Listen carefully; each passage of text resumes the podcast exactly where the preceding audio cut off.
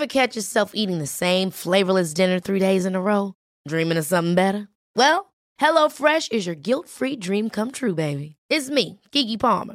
Let's wake up those taste buds with hot, juicy pecan-crusted chicken or garlic butter shrimp scampi. Mm.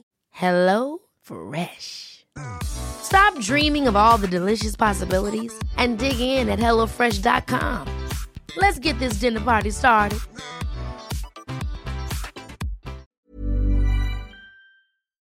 Hej och välkommen till ett nytt avsnitt av Obalans.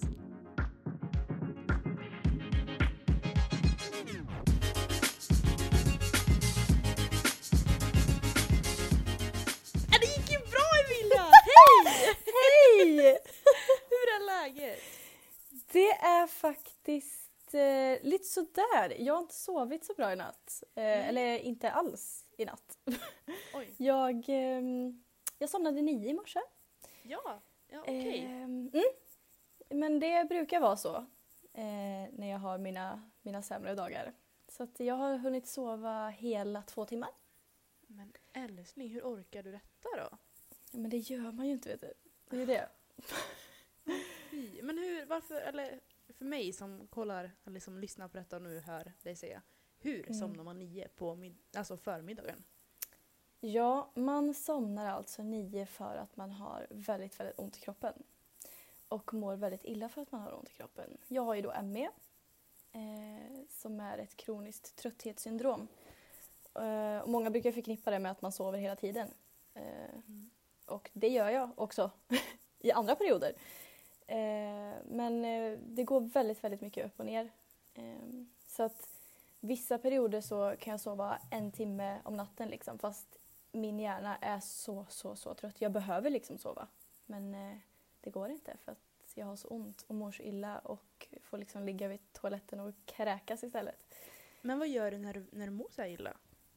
Ja, alltså jag brukar ju typ ja, springa upp och ner till toaletten. Eh, jag har även eh, ett läkemedel som eh, hjälper mig lite mot illamåendet men eh, funkar, funkar, funkar lite sådär skulle jag säga. Eh, sen när jag har ont så tar jag morfin och det ökar ju också eh, illamåendet. Men fy. Men det ökar ju tröttheten också. Så det är ju Ja. bara en ond cirkel det här. Mm, nej men verkligen. Alltså, det är bra att ta morfin när jag har ont och inte kan sova. Mm. Men har jag ont och är liksom jättetrött, jag kan ju sova upp mot 18 timmar. Utan problem. Herregud. Det är helt sjukt verkligen. Det, man kan typ inte fatta det själv, att man liksom har sovit förbi ett helt dygn. Alltså, det, för att få perspektiv på detta, jag jobbar ju 5 till 10 på morgonen. Mm. Så när du somnar, nio, alltså så här, då ska jag jobba en timme till, sen är jag, sen är jag klar med jobbet. Ja, precis. Det är alltså det här är ju sjukt. sjukt. Att det är sån skillnad, vet du. Ja, Okej, nej nu ska vi börja från början då. Vem Mm. är Emilia? Vi har ju hoppat över hela den, den delen. Åh, gud, vem är Emilia? Ja, vem är Emilia? Eh, jag är 21 år gammal och bor i Lidköping. Eh, innan jag blev sjuk så var jag supersprallig, spelade fotboll, jag dansade flera gånger i veckan. Jag, men jag var överallt och ingenstans. Jag umgicks med allt och alla och älskade livet och älskade att göra precis allting. eh, men sen i nian så eh, började mitt minne svacka. Ehm, och och eh, skolan som jag har haft väldigt lätt för tidigare började bli ganska svår för att jag kunde inte komma ihåg saker som att ja, men nu har vi prov eller läxor eller, eller ens komma ihåg vad det är jag ska lära mig in. Ehm, så då började allting krångla ganska mycket med minnet. Eh, sen när jag började gymnasiet så eskalerade ju bara allting för att då hade jag liksom ingen fritid i princip. För att jag, jag gick till skolan, kom hem, sov och vaknade dagen efter igen när skolan eh, började. men herregud. Ja, Kul! nej men inte jättekul när man har varit så himla fysisk och out there innan liksom. För det här är så himla intressant ändå, för du och jag känner varandra sedan sjuan. Mm. Så jag, var, jag började, lärde känna dig när du var den här spralliga tjejen. Och Ah, Vi gjorde överallt och vi vet att du, jag och Emma höll på med engelskan som var så avancerad engelska. ja, och, gud ja. ja, alltså du var verkligen, verkligen överallt. Du gjorde Mm. allting och hur kul som helst. ja. Och sen så slutade vi umgås i ettan för vi gick olika gymnasien och allt sånt där. Mm. Och sen kommer jag ihåg när jag träffade dig, jag bara så här, jag förstod inte riktigt. Det blev den här, jag förstod inte vad som hade hänt med dig riktigt. Nej, precis. Det är ju För- ganska vanligt. Ja, för du sa det, du bara nej men jag har inte, jag ligger efter i skolan, jag har inte, jag har liksom, du har ju ingen grundutbildning, eller du har ju ingen Nej. gymnasieutbildning. Precis. Och jag precis. kunde inte förstå det, jag bara vad har du gjort? Liksom, vad har, du, Ah. har du har du festat bort ditt liv? Alltså jag kunde inte riktigt säga, jag bara, men jag vet om att du är smart och jag vet att om Mm. att du är duktig, vad hände här liksom? Ja, gud ja. Eh, Det var ingen som fattade det. Jag fattade Nej. ju inte heller det. Och läkarna fattade ju inte det här överhuvudtaget. Mm. Det började ju liksom i nian med att vi åkte in för att jag hade ju feberepisoder och jag mådde ju fruktansvärt. Det var ju som att jag hade influensan hela tiden. Och vi fattade ingenting så vi, liksom, vi tog ett blodprov. Alla blodprov såg jättebra ut. Jag träffade någon läkare som bara eh, Du kanske ska uppsöka en psykolog för att du är mentalt störd typ. Alltså jag har träffat Men så gud. sjuka läkare som Ja, har varit så elaka. För det här kommer jag ihåg att du sa Mm. det, alltså, du, du har ju ändå uppdaterat mig lite för vi gick i Mm. samma klass i nian. Och då sa du ett tag, ja men jag har nog kanske depression. Nej men jag har nog biopolär. Ja, precis. Nej men gud, jag har nog skickats runt och haft alla möjliga Ja. diagnoser som man kan få liksom. Eh, men det var inte riktigt någonting som jag kände var men det här passar verkligen inte in. Så jag började Nej. blogga.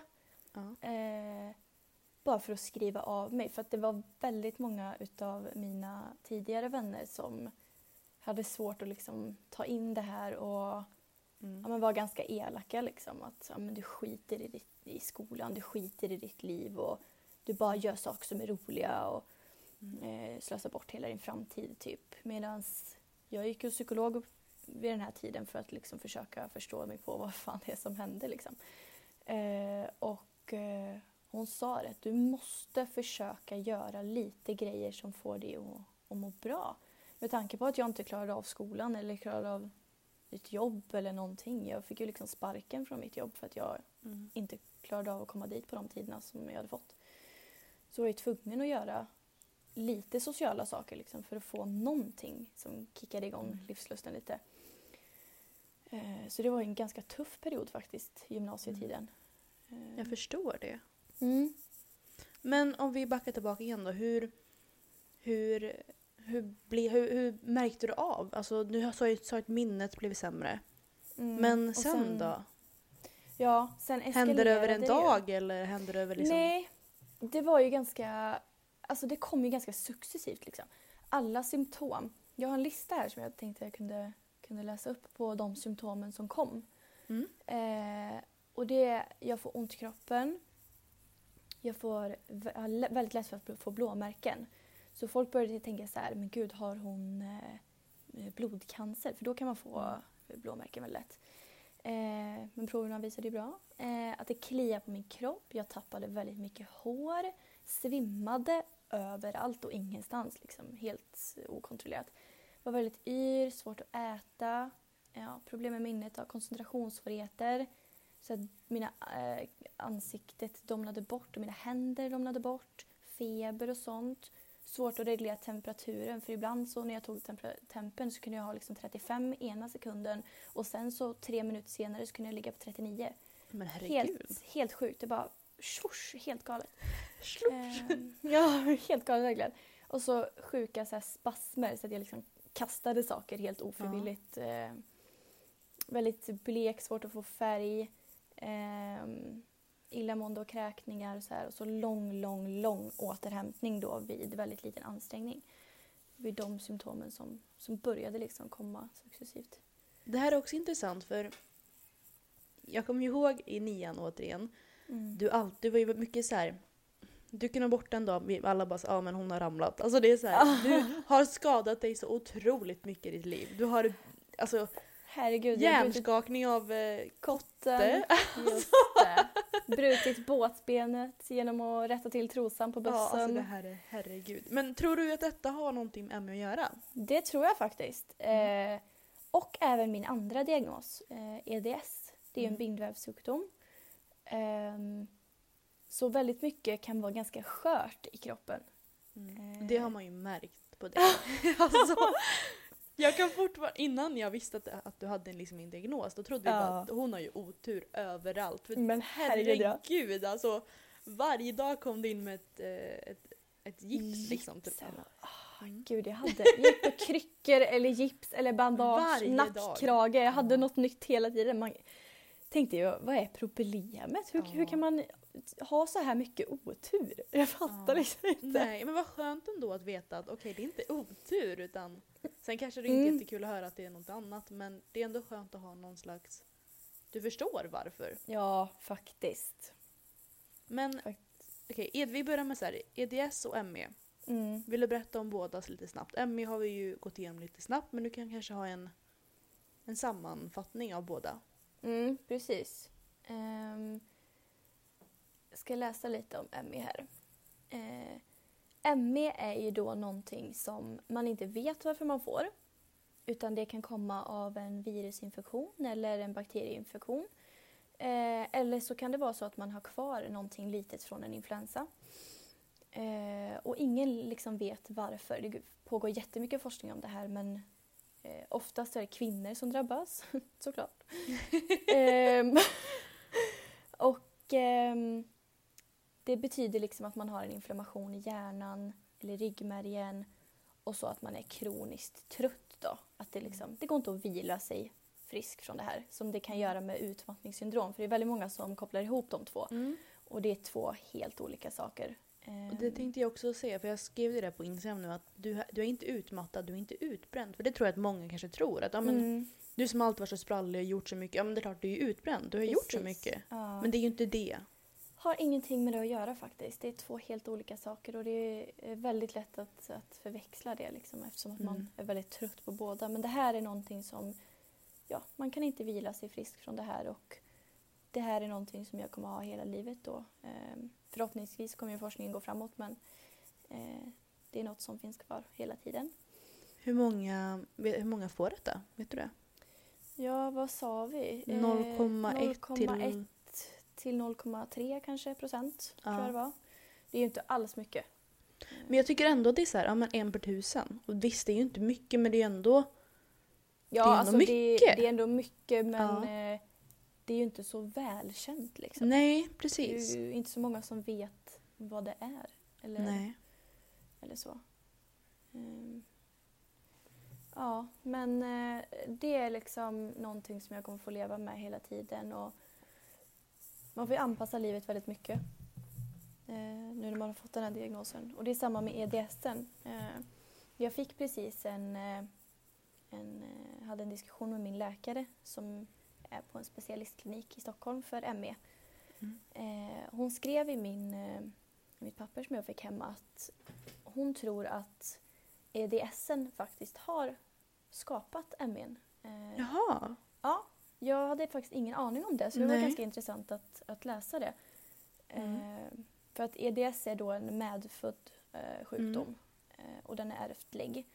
Och det är bindväven då som, eh, som krånglar, den muterar liksom. Och, eh, det är svårt att hålla uppe och hålla stadigt kroppen. Nacken är väldigt, väldigt eh, utsatt. Ryggen är Mm. väldigt utsatt. Så jag ska ju få hem nackkragar nu då, så att jag ser ut som grannen i Beck. Det är perfekt. Åh, vad kul! Ja, kan vi ta en stänkare på det också? Ja, jag är ju perfekt. ändå 21. Men vad intressant för detta, för vi pratade ju bara förra veckan Mm. och då visste du inte detta. Nej, jag vet. Det För jag, jag, sa, ja, jag nämnde ju till dig, jag bara, men det känns som att de här kan höra ihop. Och du bara, nej, nej, nej, nej. Men vad kul, eller inte alls kul, men alltså det är var, varje steg att man vet vart det kommer ifrån så är ju, Ja. det är ju en, det är ju alltid någonting som är... Mm. Ja, men för den är ganska, ganska jobbig och tung den här sjukdomen för att allting i kroppen blir väldigt påverkat fysiskt och då EDS har man ont, eh, EDSen. Mm. Och har man då ont i kroppen hela tiden så blir man ju väldigt trött. Och då kan ju det framkalla då ME om jag har någonting som ligger liksom lite latent i kroppen. Liksom. Mm. Så då, eh, kul och intressant att, att få reda på att de faktiskt kan ha en, Mm. en, eh, en samhörighet. Liksom. Ja, då kanske man kan fokusera på EDSen och då kanske ME blir bättre. Mm, precis, så jag ska ju få lite grejer nu som ska underlätta Mm. lite grann. Men jag tror att vi har missat lite. Kan du snabbt förklara vad EDSen är och kan du förklara om den här um, ryggraden eller som du berättade för mig förra veckan? Ja, just det. Eh, jag har ju då varit och gjort en magnetröntgen på hjärna och rygg och nacke. Ehm, så när jag var där förra veckan då på kliniken så förklarade hon då för mig att eh, min eh, ryggmärg sitter i kläm. Eh, på bilder så ska den liksom sitta helt, helt rakt och runt ryggmärgen så ska det finnas ryggmärgsvätska. Mm. Och på mig så finns det bara ryggmärgsvätska på ett fåtal ställen i ryggen för att allting har blivit så ihoptryckt liksom för att min, min ryggrad och mina diskar och mina kotor orkar liksom inte hålla uppe mig på grund av EDSen. Så jag liksom skrumpnar ihop nästan. eh, så det är därför då jag ska få de här, eh, de här nackkragarna för att mitt huvud blir liksom så fruktansvärt tungt. Eh, Mm. på det här. Liksom. Min, det orkar liksom inte bära upp det. Så när jag går för länge eller står för, för länge liksom, så bara... Alltså jag kan ju- knappt stå upp liksom, i mer än 20 Mm. minuter utan att bara nu dör jag. Typ. Alltså hela min rygg bara bryter ihop. Liksom. Så att allting är väldigt svagt på mig. Och hon sa det till mig att eh, mm, du är faktiskt jätte, jättesjuk. Eh, och det finns fysiska bevis nu då på, på de här magnetröntgenplåtarna då. Och det är skönt Mm. också för att ME är ju en uteslutningssjukdom kan man kalla det. Mm. Man måste utesluta allt annat innan man kan få de här och så måste man eh, uppnå några kriterier på Kanada-kriterierna som det heter. Mm. Vi kan gå Eh. igenom vad de kriterierna är sen. Men Mm. vad står EDS för? Eller Dandros syndrom. Okej. Eh, och det är då eh, en bindvävssjukdom som, ja, jag, ska, jag kan läsa upp för dig här vad det Mm. betyder. Jättebra. Det är faktiskt eh, väldigt intressant att, eh, att, eh, att det är ärftligt också. Så undrar man vart, vart, vart har man fått det här ifrån? Så här då. Ehlers-Danlos syndrom är en grupp ärftliga sjukdomar. De orsakas av bindvävsförändringar som påverkar leder, hud, blodkärl och inre organ. Överrörlighet i lederna, övertöjbar och mjuk hud samt sköra kärlväggar är vanliga symptom. Även tänder och tandkött kan vara påverkade, vilket syntes jätteväl på mig när jag hade min tandställning till exempel. Mm. Mitt tandkött var helt galet. Jag hade typ tandkött för fem pers i min mun kan man säga. ja, helt galet. Ehm, så man är, man är väldigt överrörlig. Jag har EDS hypermobilitet eh, typ 2. Eh, så att eh, min EDS är att jag är väldigt, väldigt överrörlig liksom. Och är man väldigt överrörlig så tänds ju liksom lederna ut hela tiden. Och Mm. ja, man vet hur trött man kan vara efter ett yogapass liksom. Tänk att jag gör yoga hela tiden med min kropp. Ja. Eh, så det drar ju väldigt mycket energi. Mm. Eh, ja, du berättade ju förra veckan att om någon, om någon eh, tar ett tag i nacken på en vanlig Mm. människa. Vill du förklara det? Ja, precis. Eh, nej, men han, min läkare visade då på en liten staty eh, hur en normal nacke då ska se ut. Och det är, den är väldigt så här, kompakt och så när han tryckte liksom på, på huvudet på den här dockan så såg man liksom, det är ingenting som händer för att det är väldigt, väldigt stabilt i ryggen. Mm. Så tog han fram en annan modul som visade hur, hur min ser ut. Och då var diskarna väldigt, det var som slime typ emellan. Så när han då tryckte på huvudet på den här så flöt liksom allting ut. Det bara liksom. Bra ljudeffekt. Ja, det är bra. Ehm, allting trycktes ihop. Och då sa han det att ja, allting är ju helt ihoptryckt på dig. Och det är klart att det gör ont. Och det är klart att det tar, tar energi. Liksom. Så att det är så när, när huvudet får arbeta och när nacken får arbeta så ja, allt annat krånglar liksom till. Som höfter Mm. och knän och fotleder och allt sånt. Så att egentligen är jag 85 eh, inombords kan man säga. Kul. 21-åring som... ah, Verkligen. fy. Det är det som är så sjukt att min personlighet och mitt sinne passar inte riktigt det här Nej. Med kroppen. Men det är det jag alltså, alltid älskat med dig. För Mm. du, du har ju alltid varit så här, världens sprallaste tjej och allt är bra, livet leker. Mm. Och även när allt har sugit så har du alltid varit glad. Jag förstår inte hur du gör det. Vad glad jag blir. Jag ser verkligen mig själv som på ett helt annat sätt. Men jag, det är klart att man är olika hemma som man är Ja, med andra människor. Men jag tänker det, vad, det hjälper ju inte att jag springer runt och är negativ och gråter. Det finns ju ingenting jag kan göra åt det ändå. Nej. Utan det här får man ju bara acceptera. Det är ju det som Mm. tar längst tid, acceptansen Ja. såklart. Eh, över att hela livet har vänts upp och ner. Eh, men gud, jag älskar ju mina vänner och min familj och alla runt omkring mig fortfarande. Mm. Så att de kan jag ju inte vara grinig på. Nej men det är bra. Det är bra sätt att tänka på det. För det är verkligen Mm. så här, det, det suger. Alltså det gör verkligen det. Men Mm. som du säger, ja, men om du om du är negativ och allt sånt där hela tiden, det blir ju inte bättre. Nej, det blir ju ganska... Jag var ju det i början då. Och det Ja. blir ju en ganska ond spiral. Jag var ju faktiskt i en ganska djup depression. Åt högsta Mm. dosen antidepressiva där ett tag för att ingen visste någonting. Jag fattade ingenting. Allting bara vändes totalt liksom. Ja. Då var, jag, var, ju, var man typ 16-17. Då är man ju liksom i det där livsskedet där man bara vill ha kul liksom. Mm. Eh, men dit, därifrån tog jag mig faktiskt Mm. upp. Och nu mår jag ju bättre än någonsin Vad psykiskt. skönt. Vad skönt. Mm. Gud vad skönt att höra. Det är Men vi går- jätte, jätteskönt. Vi går tillbaka till nian och sen så börjar Mm. bli, minnet börjar försvinna. Mm. oj oj oj. Minnet börjar försvinna. och sen så... Du hade ju fortfarande, alltså du hade ju minnet men det blev sämre.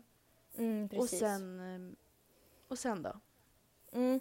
Då började ju det här, alltså koncentrationssvårigheterna. Mm. Eh, jag tror jag sa det, men jag har ju haft ganska lätt för skolan. Eller, ja, Mm. Väldigt lätt för skolan faktiskt. Eh, knappt behövt eh, kämpa överhuvudtaget. Liksom. Läst ett papper och bara, ja ah, men gud bra, då kan jag Mm. det. Alltså så här, verkligen gick superlätt i skolan. Medan nu, oj, herregud. Oj oj oj.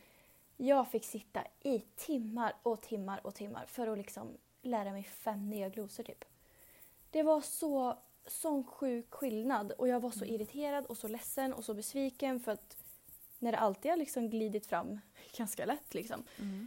så är det ju ganska jobbigt när allting helt plötsligt blir skitjobbigt och jättetufft. Eh, och jag gick liksom från att satsa på högsta betyg till att satsa på, men vi, vi, ser, vi ser väl om vi, vi kör ett C då kanske typ. Mm. Och jag klarade inte av att sitta med i klassrummen längre. Alla ljud blev väldigt, väldigt påtagliga. Ljuset, det var ny information. Det var väldigt mycket som hände i hjärnan liksom. Mm. Eh, Så jag började ju vara hemma ganska mycket. I tvåan var jag borta ja, hela vårterminen. Eh, och pluggade liksom lite på ja, distans. Man vad kände du så här? Eller när du...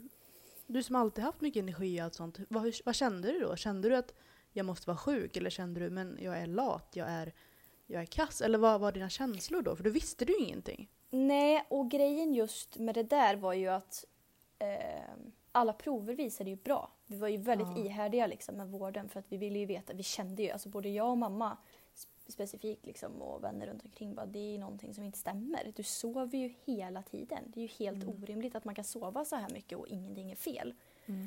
Ehm, och det var ju ingen läkare överhuvudtaget som kopplade det här till, till någon av de sjukdomarna som jag har nu. Men de är ju väldigt ovanliga också. Det är inte så många vanliga läkare som vet om det.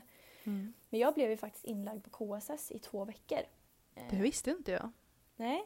Det, Nej. det, var i tvåan. Ja. Eh, så blev jag inlagd där i två veckor. KSS är alltså ett sjukhus i Skövde. ja, För de som inte vet. Just Mm. det. Eh, jag glömde att det var fler. Fler sjukdomar. Fler sjukhus i Sverige, wow. Ja, eh, ja eh, sjukhuset i Skövde, ja precis. Eh, så blev jag inlagd där i två veckor och jag tror inte du förstår Julia. Jag låg på den där lilla britsen och de körde mig till varenda jävla mottagning på, den här, på det här sjukhuset. Men De ingen, körde ingen mig. såg någonting? Ingen märkte? Nej, alltså de körde. Då jag gjorde lungröntgen, jag gjorde ryggmärgsprov, jag kollade mina ögon, jag var hos gyn, jag gjorde magprov, jag gjorde alla typer av blodprover du kan tänka dig. De liksom knackade på alla mina leder och allting. Alltså jag träffade alla specialistläkare man kan träffa tror jag.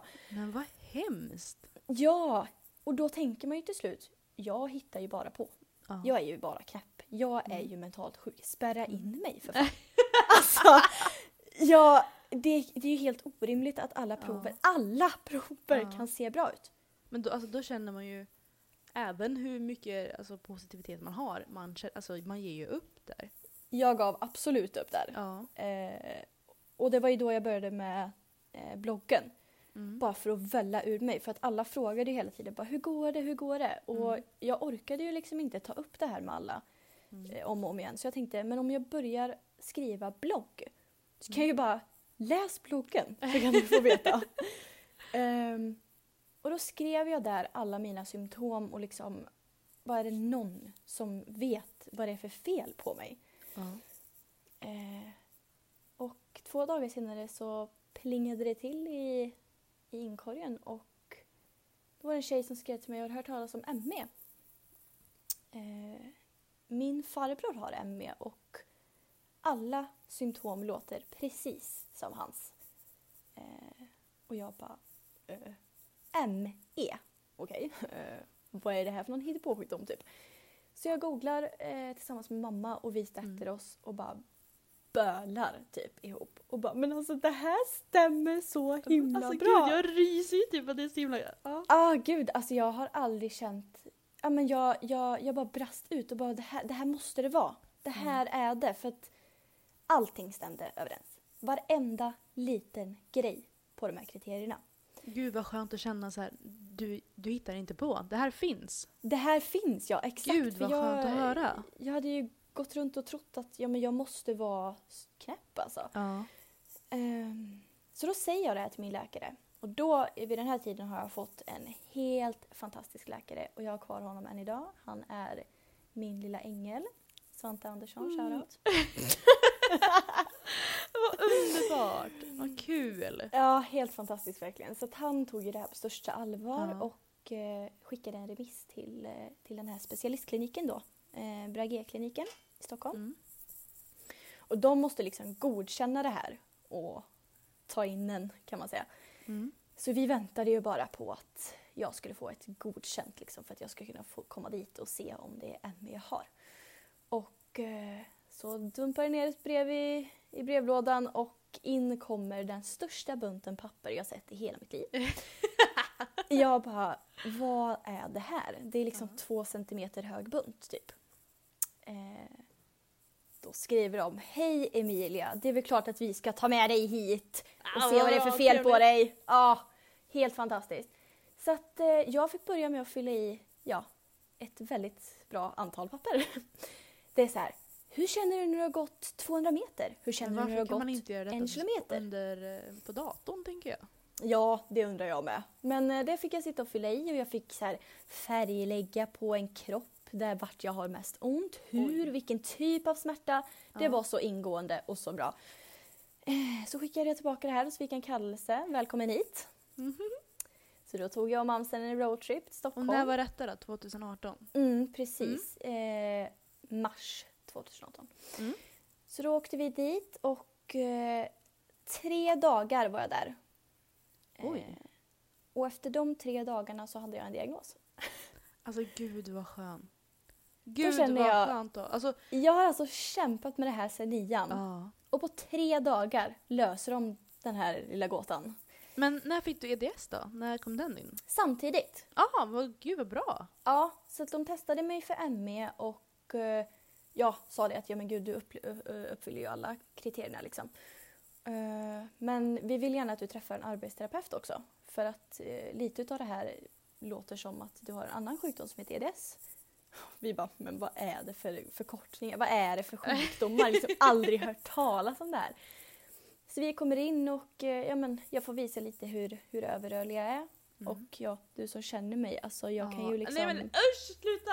Vi, vad som, ni som lyssnar nu, vi pratar via skype och hon tar lillfingret till... Ja, Handen. Till Ja, jag handen, lägger, liksom. lägger handen. prova själv, det går inte! Aj! Ja. Eh, och Nej, min läggs hela vägen nu. Ah!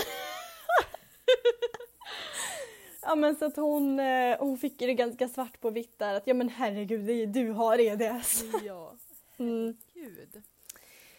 Så att eh, ja, då fick jag de sjukdomarna och mamma grät ju som en tok när vi gick därifrån Jag och jag var det. ju i sånt chocktillstånd så att jag hade ju inte fattat att jag hade fått de här diagnoserna. Mm. Så jag gick ju helt casual till bilen och mamma bara tog tag i mig och bara äntligen! Var helt galen och grät som en tok liksom. Och jag bara, eh, vad, varför är du så glad? Typ. Alltså jag, var, jag var i sånt chock. Jag fattade liksom inte för att jag hade gått runt och trott att jag, var, att jag behövde spärras in liksom i Ja. tre år typ. Och så ska det gå så fort att få en diagnos. Det kändes Mm. helt, alltså, helt orimligt. Men eh, det tog några dagar att smälta det men sen grät jag ju konstant i typ Jag två veckor. Liksom. Men alltså sociala medier är ju skit ibland, det vet vi alla. Mm. Men snälla söta, alltså tänk när man använder sociala medier som du har gjort nu. Mm. Din blogg gjorde att du fick två diagnoser. Ja, nej men det är helt fantastiskt. Alltså den här tjejen som, eh, som tog sig tiden att skriva är ju också helt fantastisk. verkligen. Ehm, Det som är grejen då med de här sjukdomarna är att man inte kan göra ett skit för att Nej. bli bättre. Och det Men suger. man har fortfarande en helt annan syn, alltså en infallsvinkel på det. Hur ska, hur ska jag leva nu? Nu vet jag vad, jag vad det är för fel på mig och hur jag ska, hur jag ska göra för att undvika vissa saker för att bli Ja. liksom. Och vad skönt att veta kanske att EDSen har skapat ME. För då, då vet du att om du tacklar EDSen lite mer så kanske du Precis. har mer energi sen. Mm. Det är så skönt. Mm. Ja, men det, det känns helt fantastiskt eh, faktiskt. Jag tänker att vi går över lite till eh, Instagram-frågor. Oh, spännande. Oh, spännande, spännande! Okej, den första. Vad behövs för att du ska klara av din vardag? Oh, väldigt bra fråga. Ehm, jag bor ju själv i min lägenhet. eh, fast ja, min pojkvän bor ju här eh, hela tiden då. Han är inte skriven Mm. på den adressen men han är ju här eh, jämt och ständigt. Så att, eh, han hjälper mig väldigt mycket här hemma. Tar disken, dammsugar, hjälper mig med tvätten.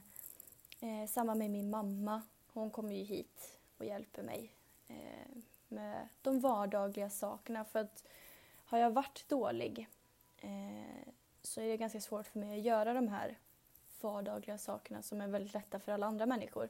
Mm. Det kan ta jättemycket energi för mig att ja, men, bädda sängen för att rörelser med armarna till exempel eh, är jättejobbiga för mig och jag blir jättetrött och får verkligen superont. Eh, det är samma med tvätten. Där behöver jag alltid någon som hjälper mig liksom, att hänga upp och ta ur. Det brukar ju vara ganska tungt. Mm. Eh, jag bor högst upp i min lägenhet och tvättstugan är längst ner längst bort. Mm. Perfekt. Perfekt. Eh, men så man får hitta lite så småmedel. Nu har vi köpt hem en liten tvättställning så man kan hänga lite tvätt här i Ja, arbetshöjd. Mm, det är bra. Ehm, men jag behöver ganska mycket hjälp i vardagen. Ehm, Hur ser din vecka ut och hur ser ditt liv ut? Jobbar du eller hur får du ihop pengarna? Hur... Allt sånt. Mm. Nej, jag är ju heltidssjukskriven, 100%. Och det har jag varit sedan jag fick diagnosen. Så att efter studenten då, eh, jag var ju inte i, i skolan överhuvudtaget i trean så att jag har ju ingen gymnasieexamen. Eh, så att jag blev ju heltidssjukskriven direkt efter vi hade tagit studenten. Och så har jag varit det sedan dess. Eh, och jag får någonting som heter aktivitetsersättning från Försäkringskassan. Det får man när man är sjuk från 19 upp till 30 år. Eh, så får jag bostadstillägg på det eh, så att jag kan betala hyran. Eh, vilket inte är superkul. Det enda jag vill är ju såklart att jobba och plugga och göra saker som alla andra. Eh, men jag får 9000 kronor i månaden ungefär. Mm. Eh, Det kan man leva hälften- på men det är inte mycket mer än så. nej, hälften till det är ju till hyra då. Mm. Så att, eh, och resten ligger ju nästan på räkningar och sånt. Sjuk, sjukgrejer för Mm. Till mig själv, mediciner och sånt. Så att jag har kanske 2000 att leva på. Mm. Eh, Så det är ju... Ja. och folk tror att det är så himla härligt Lyxigt. att leva på bidrag. Ja. ja. Nej. Nej. Det kan, jag, det kan jag spräcka den myten direkt att Mm. eh, det är jättejobbigt och jätteförnedrande och hemskt att inte kunna betala för sig och eh, tjäna in sina pengar själv. Mm. Eh, men det är bra att det finns Ja, till sådana verkligen. som, eh, som lever i min situation. Men vad gör du på dagarna då? När du inte Ja. jobbar och när du inte har energi att göra något annat egentligen? Precis. Jag ligger ju för det mesta liksom i sängen Mm. eh, och sover. Eh, och när jag är vaken så, ja men jag försöker ju, jag älskar ju musik. Mm. Så jag har ett piano här hemma, en liten, en liten keyboard. Så sitter jag och spelar lite piano och sjunger de dagarna jag orkar. Mm. Sen så finns det någonting som heter aktiv vila. Mm. Och det är då man kan lyssna på podd, man kan eh, kolla på film, man kan fylla i så här målarböcker. Mm. Så det brukar jag göra faktiskt. Jag har massa pennor och grejer, sitter jag och fyller i så här Bamseböcker typ. Vad mysigt! Åh! Ja, men det är lite, det är lite gossigt faktiskt. Kan inte Ehm, vi måla när jag kommer till dig på tisdag? Ska vi sätta oss och måla i mina... Måla Bamse? Mm, absolut. Mm. Ja, så det gör jag. Jag känner Ja. mig som en liksom femåring på dagis. Liksom. Ja, jag målar i Bamseböcker och kollar film. Ja. Mm. Ja, så att eh, det är väl typ det jag gör liksom. Och sen på helgerna, jag, jag spenderar ju i princip hela veckodagarna med att vila. Så att jag på helgen sen ska kunna ha orkat ja, men umgås med vänner som är lediga. Sådana saker. Mm. Eh, Om, Men, du, eh, eh, om du säger går ut och äter på restaurang en Mm. lördag kväll. mm. Vad krävs det för dig innan och efter för att du ska orka göra det? Och är det värt det tycker du? Jag tycker att det är jättevärt. I och med att jag varken har jobb eller plugg så försvinner ju liksom den här sociala delen eh, som är jätte, jätte, jätteviktig. Eh, man kan ju, känns ju nästan som att man kan utveckla både det ena och det andra av att stanna hemma inne i sin lägenhet. Verkligen. Eh, så det tycker jag är superviktigt. Och med tanke på att jag, ja, men jag gör ju ingenting om dagarna så ja, jag vilar ju liksom upp mig under veckorna. Eh, så att jag ska kunna orka umgås med mina vänner på helgen. Men då är det ju så att ska jag till exempel göra någonting på lördagen får jag inte ha någonting planerat hela veckan innan eller hela veckan efter. Och har jag det så ibland kan det ju vara så att ja, men jag kanske ska till ja, men psykologen eller någon sjukgymnast eller någon läkare eller sådär. Då behöver jag alltid någon som kör mig nästan. Mm. Eh, och kör jag själv så är jag helt eh, död. Och då tar det jättelång tid. Då orkar jag knappt gå ur sängen liksom på Och du, och för de som lyssnar återigen, när för dig att ta till psykolog, gå till psykologen, hur långt kan det vara dit? En kilometer? Ja, typ. Mm. Och det klarar inte du av? Nej, alltså hela grejen med att bara ta sig upp, ta på sig kläder, borsta sina tänder, kanske ta en dusch. Ta en dusch är skitjobbigt. Och så för armarna och liksom hela den här proceduren. Liksom. För en vanlig människa, det tar liksom tio minuter och sen är det klart. Jag behöver sitta där inne på min lilla pensionärspall liksom. Och, och ta, ta den tiden det tar. Och Ja. få, jag, jag gick till exempel till, eh, till min vårdcentral häromveckan. Då pratade ju vi med varandra. Mm. Då gick jag en timme innan. Och det kanske tar en kvart att gå dit. Liksom. Eh, och det tog nästan hela den timmen för mig att komma fram.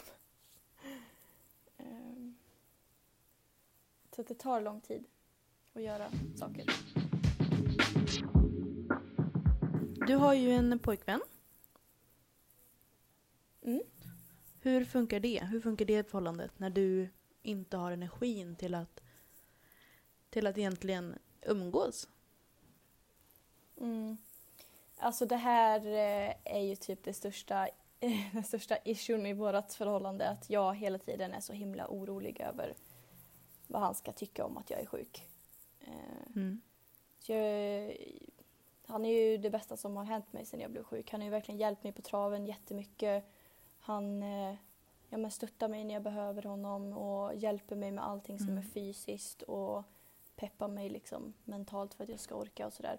Men det är klart att det finns dagar som man känner att gud, hur orkar han? Jag orkar ju inte. Mm. Så hur, hur, hur ska han då orka med att, att leva med någon som är så här sjuk? Men för honom så... Eh, han tycker inte att... Alltså han kände ju inte mig innan jag blev sjuk heller. Så den som han blev kär i, det är ju den sjuka Emilia. Vilket jag tycker är skönt på ett sätt för att då har han ingenting att jämföra med på samma sätt som jag har. Ehm. Så det är faktiskt, eh, det är faktiskt skönt att han ser allting. Hur ser du dig själv? Ser du dig som Emilia Hall, den glada härliga tjejen? Eller ser du dig själv som sjuka Emilia? Hur, hur ser du dig själv? Det är faktiskt en jättebra fråga för det där är så himla mycket från dag till dag.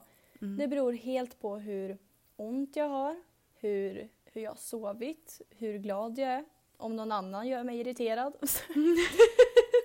Eh, Men allt som oftast nu för tiden så ser jag mig som Emilia den glada.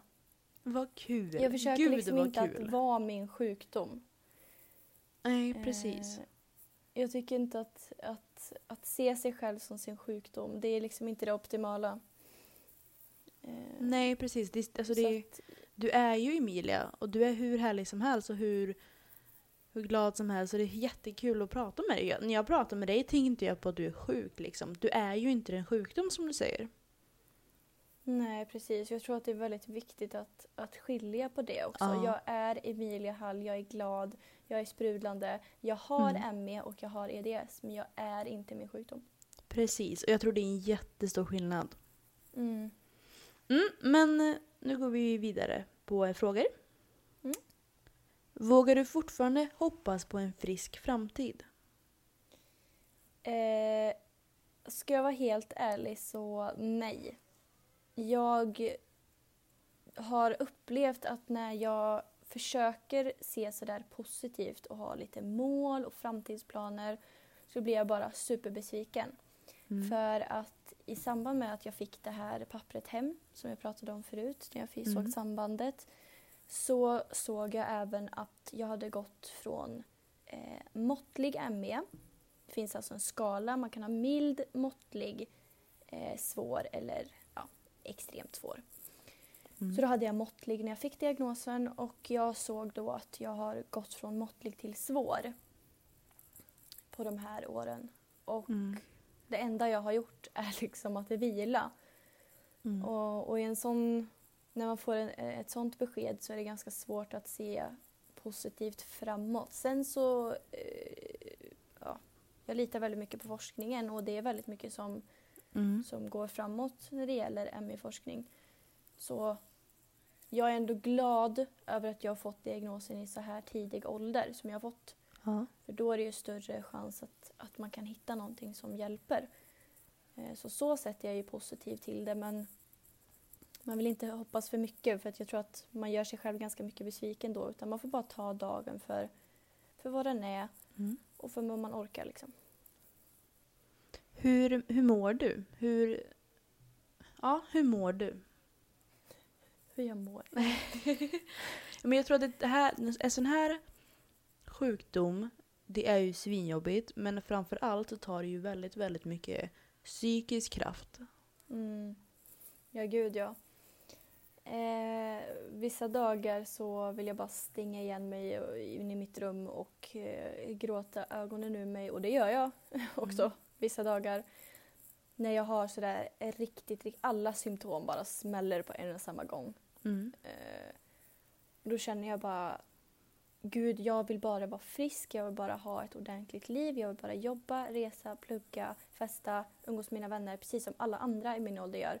Istället ligger jag här i min lilla etta i min säng och typ ruttnar bort på Mm. morfin. Liksom. Får jag ställa en Eh. jättepersonlig fråga? Absolut. Och som sagt, om du inte vill svara då säger du till och så tar vi bort detta. Ja. Har Jag du, är ganska öppen. ja. Har du någonsin känt att du Nej, att du, nej, du klarar inte av detta och du vill inte, du vill inte leva längre om du ska vara så här. Ja, absolut. Eh, det, var det, det var därför jag gick på, på de eh, högsta dosen antidepressiva där i början. Mm. Eh, för att då var det också, jag hade inte kommit så långt i min acceptans i sjukdomen heller utan det var ju precis i början. Jag hade liksom inte fått den här diagnosen, jag var på utredning, jag föll mellan stolarna. Skolan krånglade, alla mina vänner vände sig emot mig. Eh, jag gjorde slut med min pojkvän som jag hade varit tillsammans med i tre år. Allting hände liksom på en och samma gång där och då. Så Mm. då kände jag bara, jag orkar inte det här. Jag orkar inte att allting bara ska vändas emot mig. Och jag är så sjuk och jag känner att det är någonting fel på mig men ingen annan tror på mig. Mm. Eh, så absolut kände jag det då. Nu har jag inte känt så på två år. Vad skönt Utan att jag blir höra. bara gladare och bättre eh, ju fler dagar som går. Mm, vad kul. Gud vad Mm. kul. Men hur, hur har du tacklat detta? Du har ju pratat mycket med en psykolog, men hur har ni tillsammans tacklat så att du ska må bättre och du kan få en acceptans? Ja, det är ju då att, att försöka inse att ja, men jag kan inte göra någonting åt det här. Det Mm. enda jag kan göra det är att vila.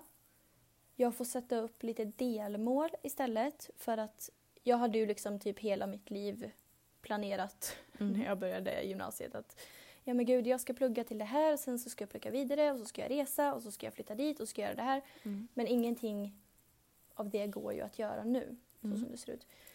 Så jag har helt enkelt fått liksom planera om hela livet i Mm. princip och så får man bara man får ta dagen som den kommer och så får man göra det bästa av dagen som den är. Så får man utgå ifrån hur man mår och hur, Mm. hur ont man har. Och försöka ta vara på de här små sakerna istället för att se det så stort. För det gjorde jag ju tidigare. Då hela mitt liv är förstört. Men eh, så man bara får tackla det med att, att man får se på saker på, på ett annat perspektiv. Och grejen är att det är, så här, det är svårt att säga att ah, men du ska se det på ett annat perspektiv. Men det, det är lättare att, att förstå det när man sitter i den här situationen för att jag har ju varit tvungen till att göra det. Mm. Jag har inget annat val än att faktiskt göra det om jag vill må bra. Mm. Att fokusera på de här små sakerna som att men gud det är ju faktiskt jättehärligt att gå ut på en höstpromenad. Eh, bara runt kvarteret. Eller gud vad härligt att jag orkade laga mig en god pasta ikväll. Mm. Eh, sådana där små saker Eller fint att jag orkade sminka mig lite extra idag. Mm. Jag uppskattar de här små sakerna i vardagen.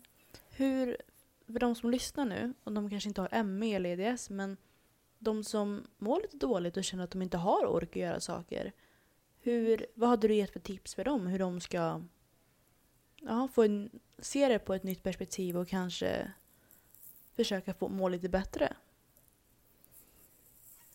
Ja du Julia, mitt hjärta.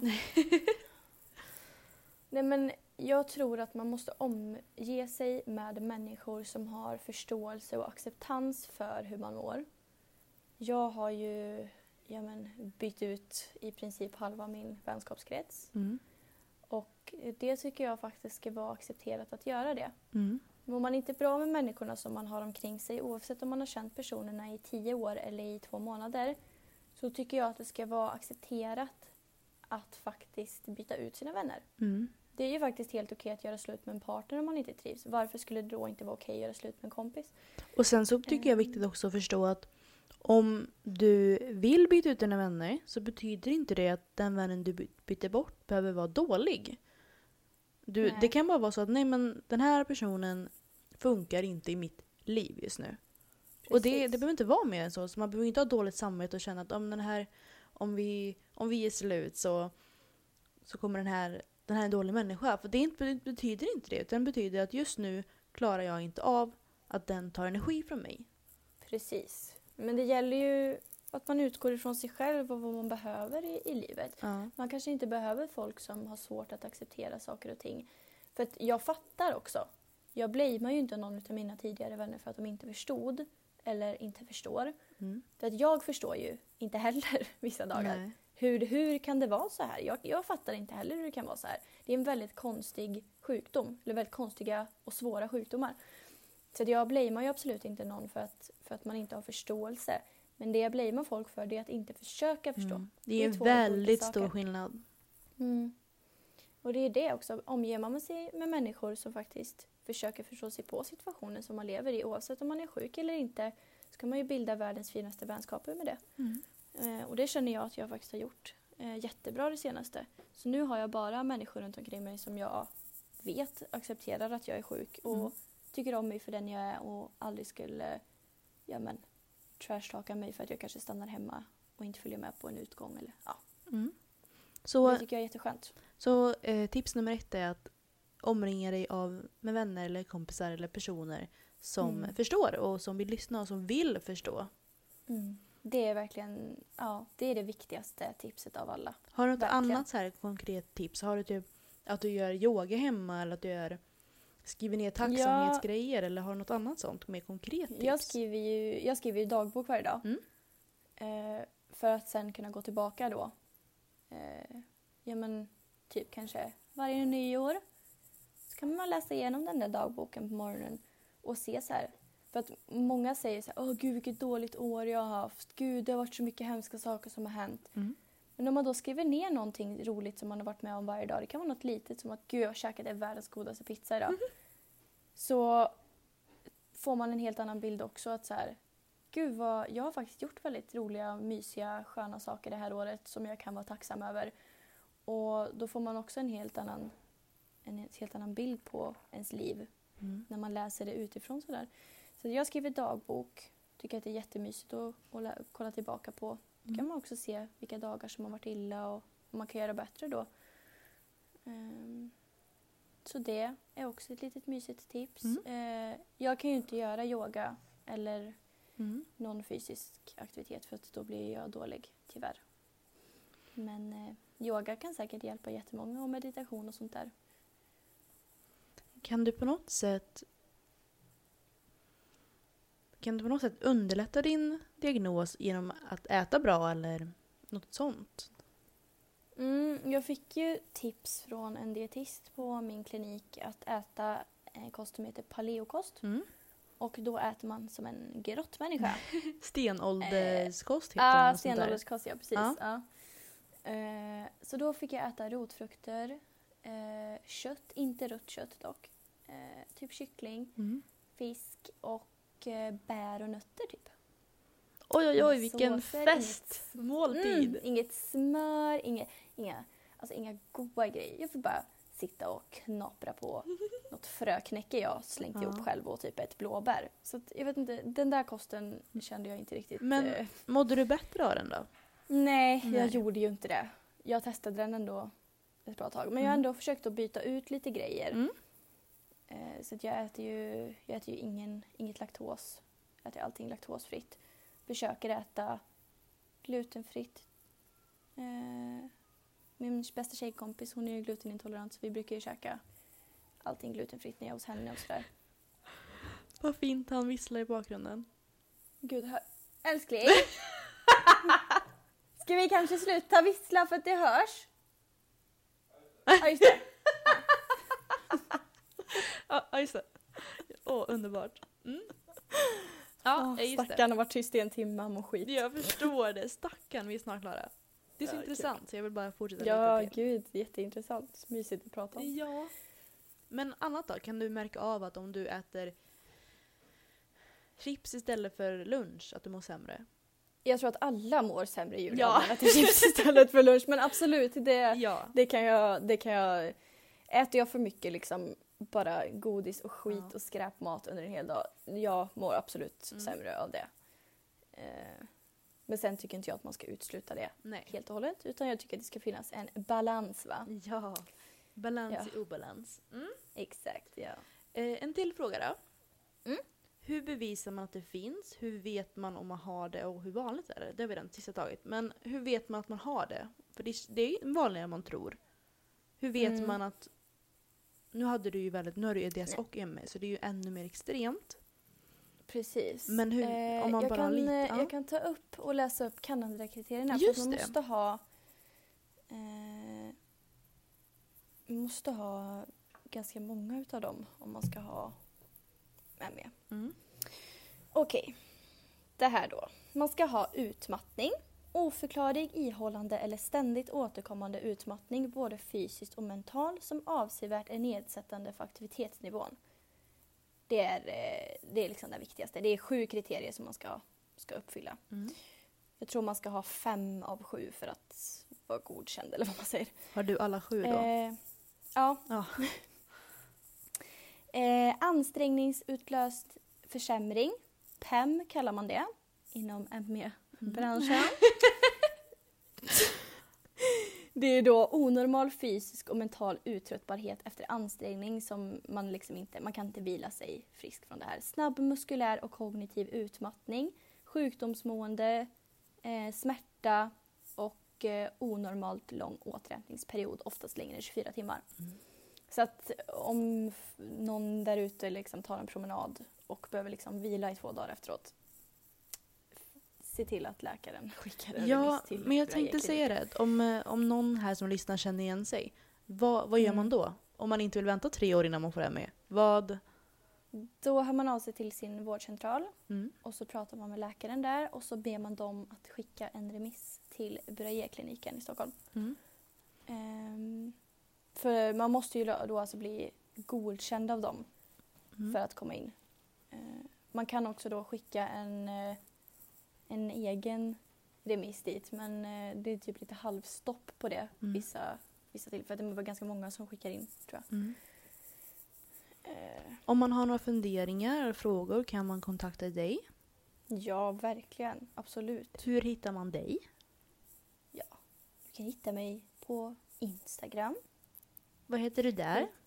Emilia, Emilia Marie Hall. Bra. Där kan man höra av sig om man har några funderingar eller frågor eller vill bolla eller Mm. vad som helst. Jag tänker att vi tar en sista Instagram-fråga och sen så börjar vi runda av så att din, eh, din pojkvän kan få um, vissla lite i fred. Ja, han har, han har lagt sig här bredvid och stirrar obehagligt på mig så jag tror att han är ganska trött på mig nu. Vad är det lättaste och vad är det svåraste med din sjukdom? Eh, ja du, jag vet inte om jag skulle säga att det finns något lätt Nej. med den här sjukdomen faktiskt. Ehm, men det svåraste är ju absolut att acceptera att saker och ting ser ut som det gör. Mm. Eh, det är verkligen det svåraste. Allt annat kan man ta lite pö om pö. Man kan be om hjälp, även fast det, det är också väldigt svårt. Mm. Att be om det hjälp. jag. Det tycker jag är bland det värsta som finns. Eh, man vill ju bara klara allting själv. Nej men gud, jag, jag diskar och jag fixar och jag Mm. gör ordning och jag lagar helst tre rätters också för att Mm. jag kan. Alla vet att jag kan, men jag ska inte. Nej. Så att det kan vara svårt. Känner du någon annan som har ME? Eh, ja, min bästa tjejkompis mamma har faktiskt ME. Hur sjukt är inte det? Eh, Det är jättesjukt. Eh, jag vet liksom knappt någon annan. Eh, plus att hon faktiskt då, min bästa tjejkompis, ska utredas på samma klinik som jag nu. Mm. För att se om hon också har det. Ja, Så för det var ju ärftligt sa du. Mm, precis. Eh, så att eh, hon ska utredas där också för hon har börjat få lite samma symptom som jag. Mm. Ehm, Din kompis så- mamma, mm. vet du när hon började få symptom? För det, du och alltså, din kompis Maja, hon är ju 21 år. Precis. Nej, eh, jag för mig att det var typ så här 30 år sedan. Alltså 30-40 år sedan. Alltså det var jättelänge sedan. Men hur gammal är hon då? Alltså hur gammal var hon när hon började få symptom? Eh, ja, vad kan hon ha varit? Ja, men det var ju när Maja var liten. Eh, som det började bli illa vet jag. Så kanske 20-25? Åh du, jag ska inte uttala mig om hon lyssnar på det här. mig. Men det jag menar är att det känns som att man får symptomen senare än... Alltså väldigt sent ändå. Det är ju ingenting som ED, eller typ ED har väl du, nej EDS förlåt. Mm. Det måste du väl haft egentligen hela livet? Ja, alltså grejen är bara att jag inte har haft ont av det Mm. antagligen. Eh, eller märkt av det liksom. Mm. Utan symptomen kan ju förvärras då om man inte anpassar kroppen efter sina sjukdomar så blir det ju värre och värre med åren Mm. såklart. Och det är väl det som har hänt. Att jag har ju inte haft någon aning om att jag har haft de här sjukdomarna och jag har ju bara kört på. Mm. Och det är det man inte ska göra när man är med. Man ska ju liksom inte träna fyra dagar i veckan Nej. eller sex dagar i veckan som jag gjorde. Mm. Eh, Men, vet, jag bara Mm. ja, slog ut totalt. men har du någon aning om, om det kan vara någonting med puberteten? Oj, det vet jag faktiskt inte. Det finns ingen forskning Nej. eller något sånt som visar på det i alla fall. För jag, Eh, av när vi har pratat förut så känns det som att ingen har fått det innan... Ja. Alltså när man var barn. Nej, eh, jag har- träffade en tjej och en mamma i väntrummet på kliniken. Mm. Och eh, dottern där hade fått det när hon var 13. Mm. Det är ju väldigt, väldigt ungt. Väldigt ungt. Ehm, och det är nog den, den yngsta som jag har Mm. märkt av. Som har fått. Eh, annars är det liksom i min ålder och uppåt. Mm. De flesta som, som skriver, jag är med i en Facebookgrupp för ME-sjuka. Mm. Och eh, många där skriver att de har haft symptom och diagnos i vad man säger, 20-30 år. Mm. Eh, Men du har ju pratat många med äldre, som din kompis Mm. mamma. Hur, hur hanterar hon livet? Alltså att inte jobba på 30-40 år och inte orka. Vad, hur mår hon? Vad gör hon? Och allt sånt där. mm, hon är sjukpensionär nu. Mm. Så hon är ju hemma hela tiden också. Och hon eh, är ju helt galen med det här med att man ska äta mycket C-vitamin och man ska ta, äta gurkmeja och Mm. man ska vila tre gånger om dagen. Och hon har ju verkligen fått in en superbra rutin. Hon är ju helt fantastisk. Vad Och kul. Hon kommer hit och, och hjälper mig supermycket liksom, och pratar med mig, ger mig tips. Och förra, förra veckan var hon här och masserade mig liksom. att jag hade ont. Ja, så hon är ju som en liten extra mamma. Det är skönt att ha någon vuxen också som, Mm. som vet exakt vad man går igenom. Eh, Så både hon och Maja är ju helt fantastiska och Mm. vet exakt hur man ska hantera det här. Mm. Eh, Ja. Hur ser framtiden ut för dig nu då? Eh, ja, jag ska hämta en liten kattunge imorgon. Underbart att ha någon kompis som är med dig hela tiden. Eller hur? Det är det jag känner. Så nu ska vi hämta lilla Ralf imorgon. Mm, Ralf! ja. Åh. Så ska han få liksom växa upp med mig och vara min, min lilla vän genom livet. Genom mitt, mitt kroniskt sjuka liv. Mm. Känner du att Så du, det är min att du framtid. kommer orka ta hand om Ralf? Ja, men det känner jag. Vad bra. Det, då har jag i alla fall någonting att gå upp Mm. på morgonen för. Liksom. För Mm. nu har jag ingenting att gå upp för. Jag kan ju ligga där hela dagen. Mm. Eh, även fast det inte är fysiskt jobbigt att ta hand om honom. Mm. Men måste man ta hand om en annan, ett annat litet liv. Men eh, har du några andra... Går du till psykologen nu? Har du några läkarbesök du ska gå till? Ja. Eh, jag har regelbundna, eh, regelbundna Mhm. eh, videomöten Mm. med eh, en arbetsterapeut Gud, på vad kliniken. Mm. Hon är helt fantastisk. Amanda heter hon. Hon är så skön. Och vad skönt att du kan ha det över, eh, över datorn så du slipper Mm. planera in att vila tre dagar innan och tre dagar efteråt när du ska gå Ja, ja, dit. gud. Och det är ju i Stockholm. Ja. Liksom. Så att det är svårt att Ja gå. men var, Men var inte du i. Stockholm för några dagar sedan? Jo, jag har ju varit där två gånger på jättekort tid nu. Mm. Men det är för att jag har gjort eh, fysiska tester och sådär för att se vart jag ligger liksom på skalan och hur Mm. dålig jag är och sådär. Men, eh, men henne, hon pratar jag med ja, men, kanske en gång i månaden Mm. över video. Pratar med min dietist också då. Hur jag känner liksom med kost och sånt där och om hon har några andra tips på vad jag kan Mm. testa och sådär. Eh, och psykologen går jag till en gång i månaden också. Jag vill... Så eh, eh, allt är mm. full rulle. Full rulle. De som Mm. lyssnar nu vill jag berätta att du har ju ME, du har EDS. Mm. Och på grund av att du har detta så har du också IBS, problem med magen. Ja, Alltså, du precis, har ju exakt. allt. Alltså jag tycker så... Nej men jag är faktiskt riktigt impad över hur du kan hålla upp ditt humör. Det är så, det är inspirerande och det är skitkul att se. För det är inte lätt. Gud, vad glad jag blir Julia. Söt. Jag blir helt rörd av dig. Men, ja, ja, ja. Jag tänker att nu har vi pratat en timme så vi kanske ska runda av lite. Mm. Kan, vara, kan vara bra att göra Kan vara bra. kanske. Har du något mer du vill säga så till de som lyssnar? Eh, nej, inte mer än att lyssna på din kropp.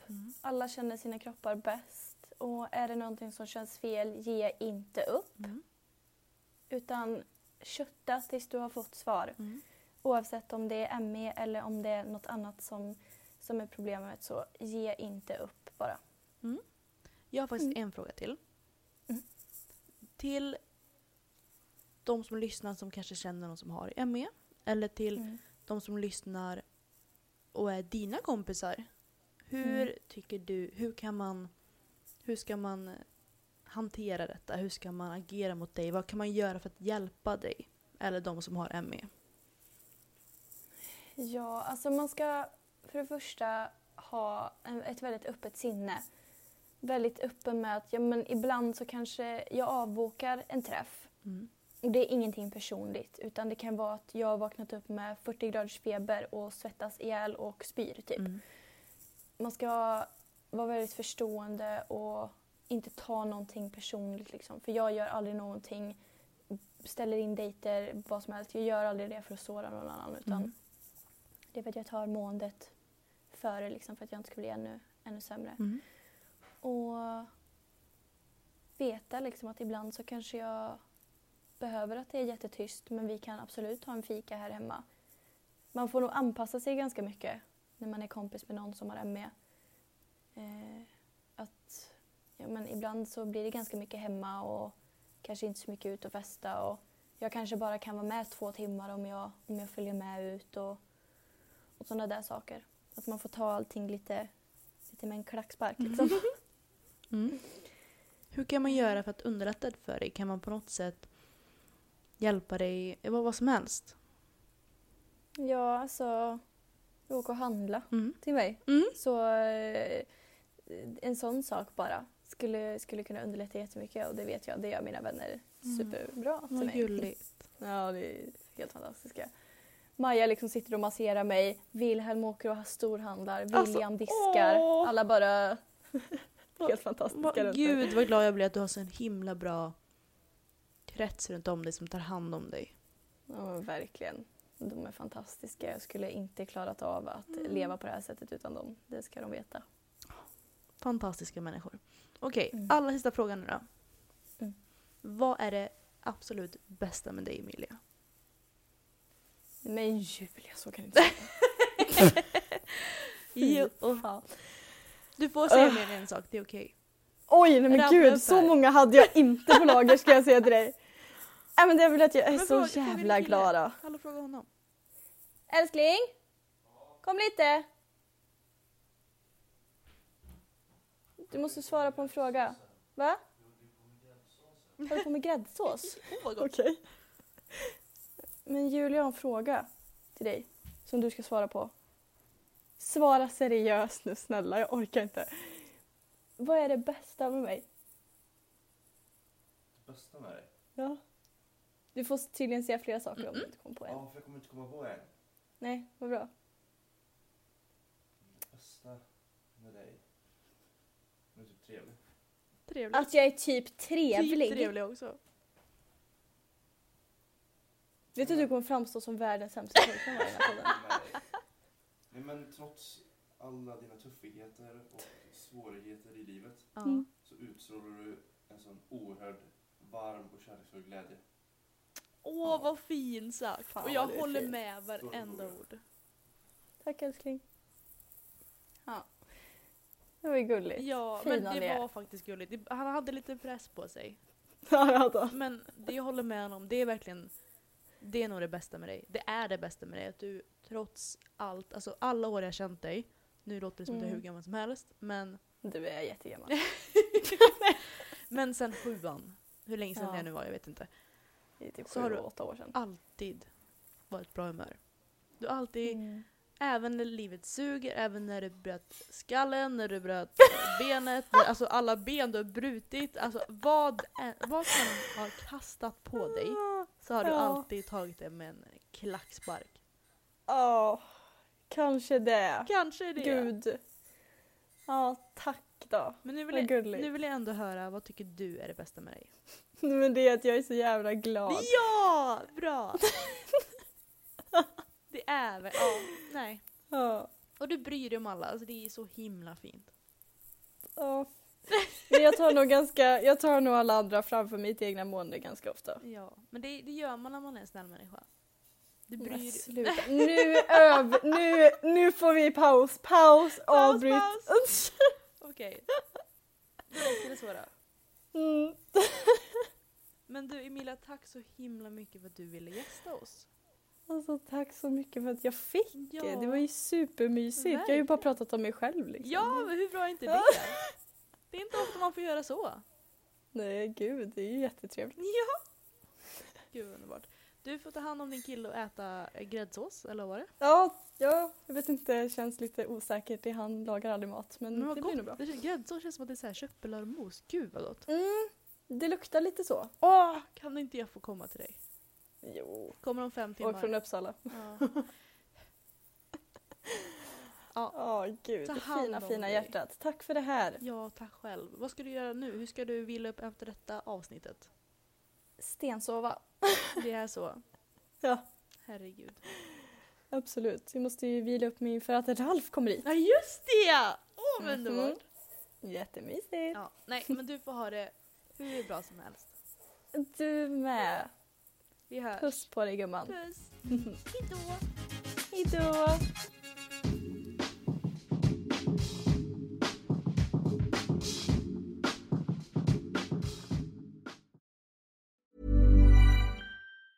Even when we're on a budget, we still deserve nice things. Quince is a place to scoop up stunning high-end goods for 50 to 80% less than similar brands. They have buttery soft cashmere sweaters starting at $50, luxurious Italian leather bags, and so much more. Plus, Quince only works with factories that use safe, ethical, and responsible manufacturing. Get the high-end goods you'll love without the high price tag with Quince.